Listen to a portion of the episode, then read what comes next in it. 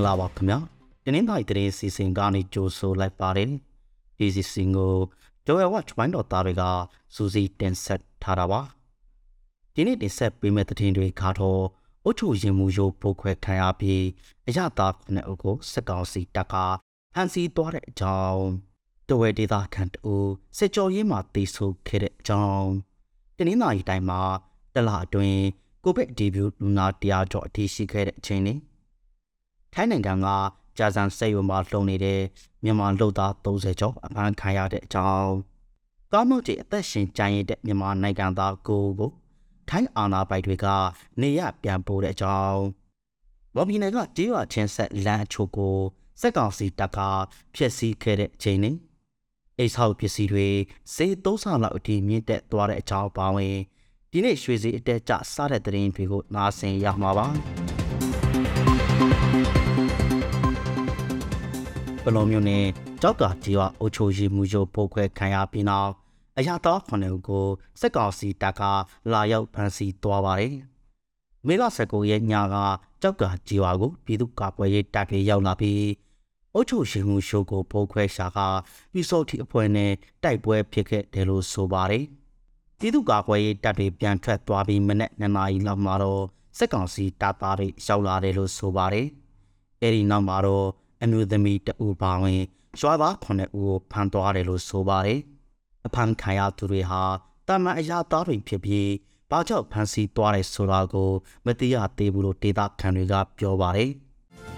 ။အလုတ်ကပြန်ဖမ်းခံရတဲ့တဝဲမျိုးကကိုကျော်သူရာဟာစေကျော်ရီမှာသိဆိုးသွားပါတယ်။အသက်30ကျော်အရွယ်ကိုကျော်သူရာကို မေလ15ရက်နေ့မှာစက်ကောင်စီကဖမ်းဆီးခဲ့တာပါ။သူအဖမ်းခံရပြီးနောက်တရက်မှာတော့တောင်းငူရက်ကွက်သား၈ဦးထပ်ပြီးဖမ်းခံခဲ့ရပါတယ်။ဖမ်းခံရတဲ့အမျိုးသမီး၃ဦးနဲ့အမျိုးသား၅ဦးထဲကလူငယ်2ဦးကိုတော့ညာနေချင်းပြလှော့ပေးခဲ့တယ်လို့ဆိုပါတယ်။မေလ19ရက်နေ့မနေ့မှာတော့ဖမ်းခံရသူတွေတဝဲရဲစခန်းကိုရှောက်လာချိန်ကိုကျော်သူကပါမလာလို့စိုးစံမေးမြန်းရှာကစစ်ကြောရေးပါတေးဆိုးသွားတယ်ဆိုတာသိရတယ်လို့ဆိုပါတယ်။ ကိုကျော်သူကရွှေလောင်းပြန်ရအရေးတွေမိသားစုဝင်တွေကစုံစမ်းပင်များနေတယ်လို့ဆိုပါတယ်။ကိုကျော်သူကဟာအစ္စလာမ်ဘာသာဝင်ဖြစ်လို့ဘာသာရေးတလိထုံတန်အရာတကြိုဖို့လိုအပ်တယ်လို့သူနဲ့နိစ္စသူတွေကပြောပါတယ်။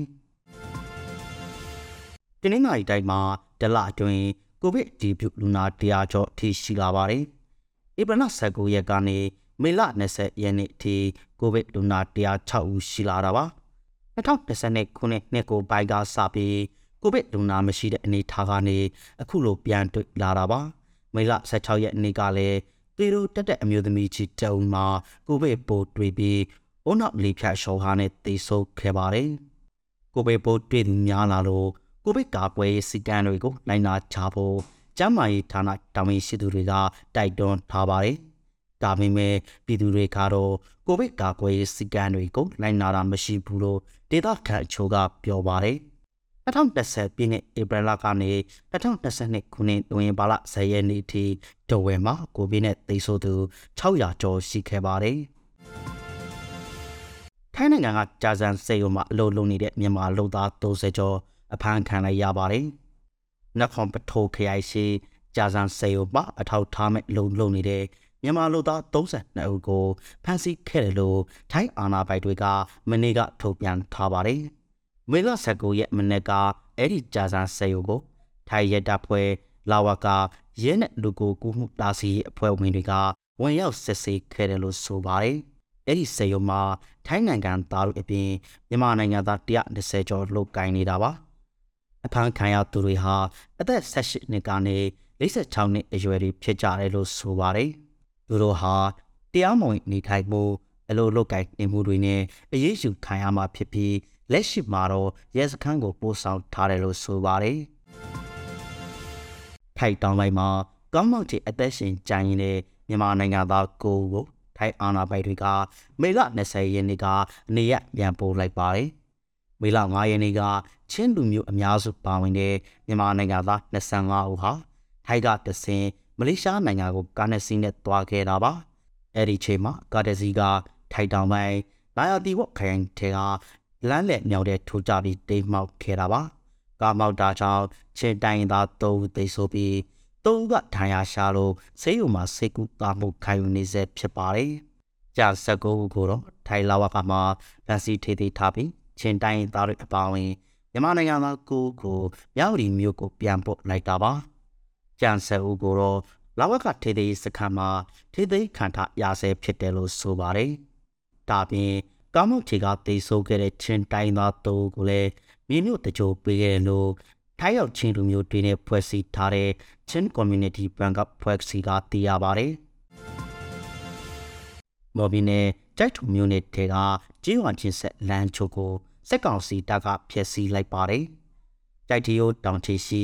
တင်မွန်ချောင်ရွှာနဲ့ ဆောင်းနေကြီးရွှာကိုဆက်သွယ်ထားတဲ့ကျေးရွာချင်းဆက်လမ်းကိုမေလ19ရက်ညကဘဲဦးနဲ့လာရောက်ဖျက်ဆီးသွားတယ်လို့ဆိုပါတယ်။မေလ20ရက်ညကလည်းဝင်းကလော်ကြီးပါအဝင်လမ်းကိုဖျက်ဆီးခဲ့တယ်လို့ဒေသခံတွေကပြောပါတယ်။စစ်ကောင်စီတပ်ကအဲ့ဒီလမ်းပိုက်ရှိနေရာချိုကိုအနက်ပေ6ပေအကျယ်3ပေလောက်တူပေါ်ဖျက်ဆီးထားတဲ့အတွက်ကားနဲ့စိုက်တဲတွေလောဝဖြန်တန်းလို့မရတော့ဘူးလို့ဆိုပါတယ်။ဖျက်ဆီးခံရတဲ့လမ်းဟာကင်မော့စကန် ကြိုက်တူကားလမ်းမကြီးကနေဝက်ကလော်ကြီးရွာကိုဖြတ်ပြီးကြီးရွာဆေးရွာထက်အမနဲ့တွာလာအတူပြုနေကြတာလို့ဆိုပါတယ်။အဲ့ဒီကြီးရွာချင်းဆက်လမ်းတွေဟာတော်လိုင်းရေးအဖွဲ့တွေဖြတ်တန်းသွားလာနေတဲ့အတွေ့စစ်ကောင်စီတပ်ကအခုလိုဖျက်ဆီးလိုက်တာလို့ဒေသခံတွေကပြောဆိုကြပါတယ်။စီဝါရီသတင်းတွေကိုဆက်ပြီးတင်ဆက်သွားပါမယ်။အာနာသိကာလာတွင်မြေမျိုးမှာအုတ်တဲကြောင်ဝိလိုက်မြေစားတဲ့အေဆောက်ပစ္စည်းတွေ ဈေးသုံးဆလောက်အထိမြင့်တက်သွားပါတယ်။ထိုင်းနိုင်ငံထိုးစင်တစေးဝိလိုက်မြေတအိတ်ကို6500ကျပ်ပဲရှိရာခါအခုချိန်မှာတော့16500ကျပ်ဈေးပေါက်နေပါတယ်။ပြည်တွေထုတ်ပီလာမြေတွေဖြစ်တဲ့စင်မင်းမက်စ်အဖာစားတဲ့ပီလာမြေတွေလည်းစိတ်တက်နေပြီးတရေကို12000ကျပ်ထိရှိနေတာပါ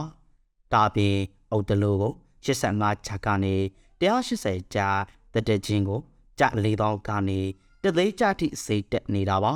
ကျန်တဲ့အခြားအိဆောက်ပစ္စည်းတွေလည်းစိတ်တက်နေပါတယ်နောက်ဆုံးတစ်ပုတ်အနေနဲ့ရွှေစင်းနဲ့ထိုင်ဘာစီအတဲကြအခြေအနေတွေကိုတင်ဆက်သွားပါမယ်။ခေါက်ရွှေဟာဈေးတန်းအမြင့်မှာဆက်ရှိနေပြီးတိတ်ပြနေပါတယ်။မေလ19ရက်နေ့ဒီနေ့စင်တို့နိုင်ရှင်ချက်အရာအခေါက်ရွှေတခြားသားကိုကြက်တထောင်စီတက်သွားပါတယ်။တဝဲဈေးကွက်ထဲအခေါက်ရွှေတခြားသားကို သိသုံးဆက်တထောင်ကျားနဲ့ဈေးဖွင့်ထားတာပါ။ပါစေခါတော့ကြာရီပြနေပြီးထိုင်းငွေတစ်ပတ်ကို84ကျပ်အစောစောပုံစံရှိနေတာပါ။ခုလိုနားဆင်ပေးခဲ့တဲ့အတွက်ကျေးဇူးအထူးတင်ရှိပါတယ်မြန်မာနိုင်ငံသူနိုင်ငံသားများကပ်ပြီးပေါင်းကနေအမြန်ဆိုလွန်မြောက်နိုင်ပါစေလို့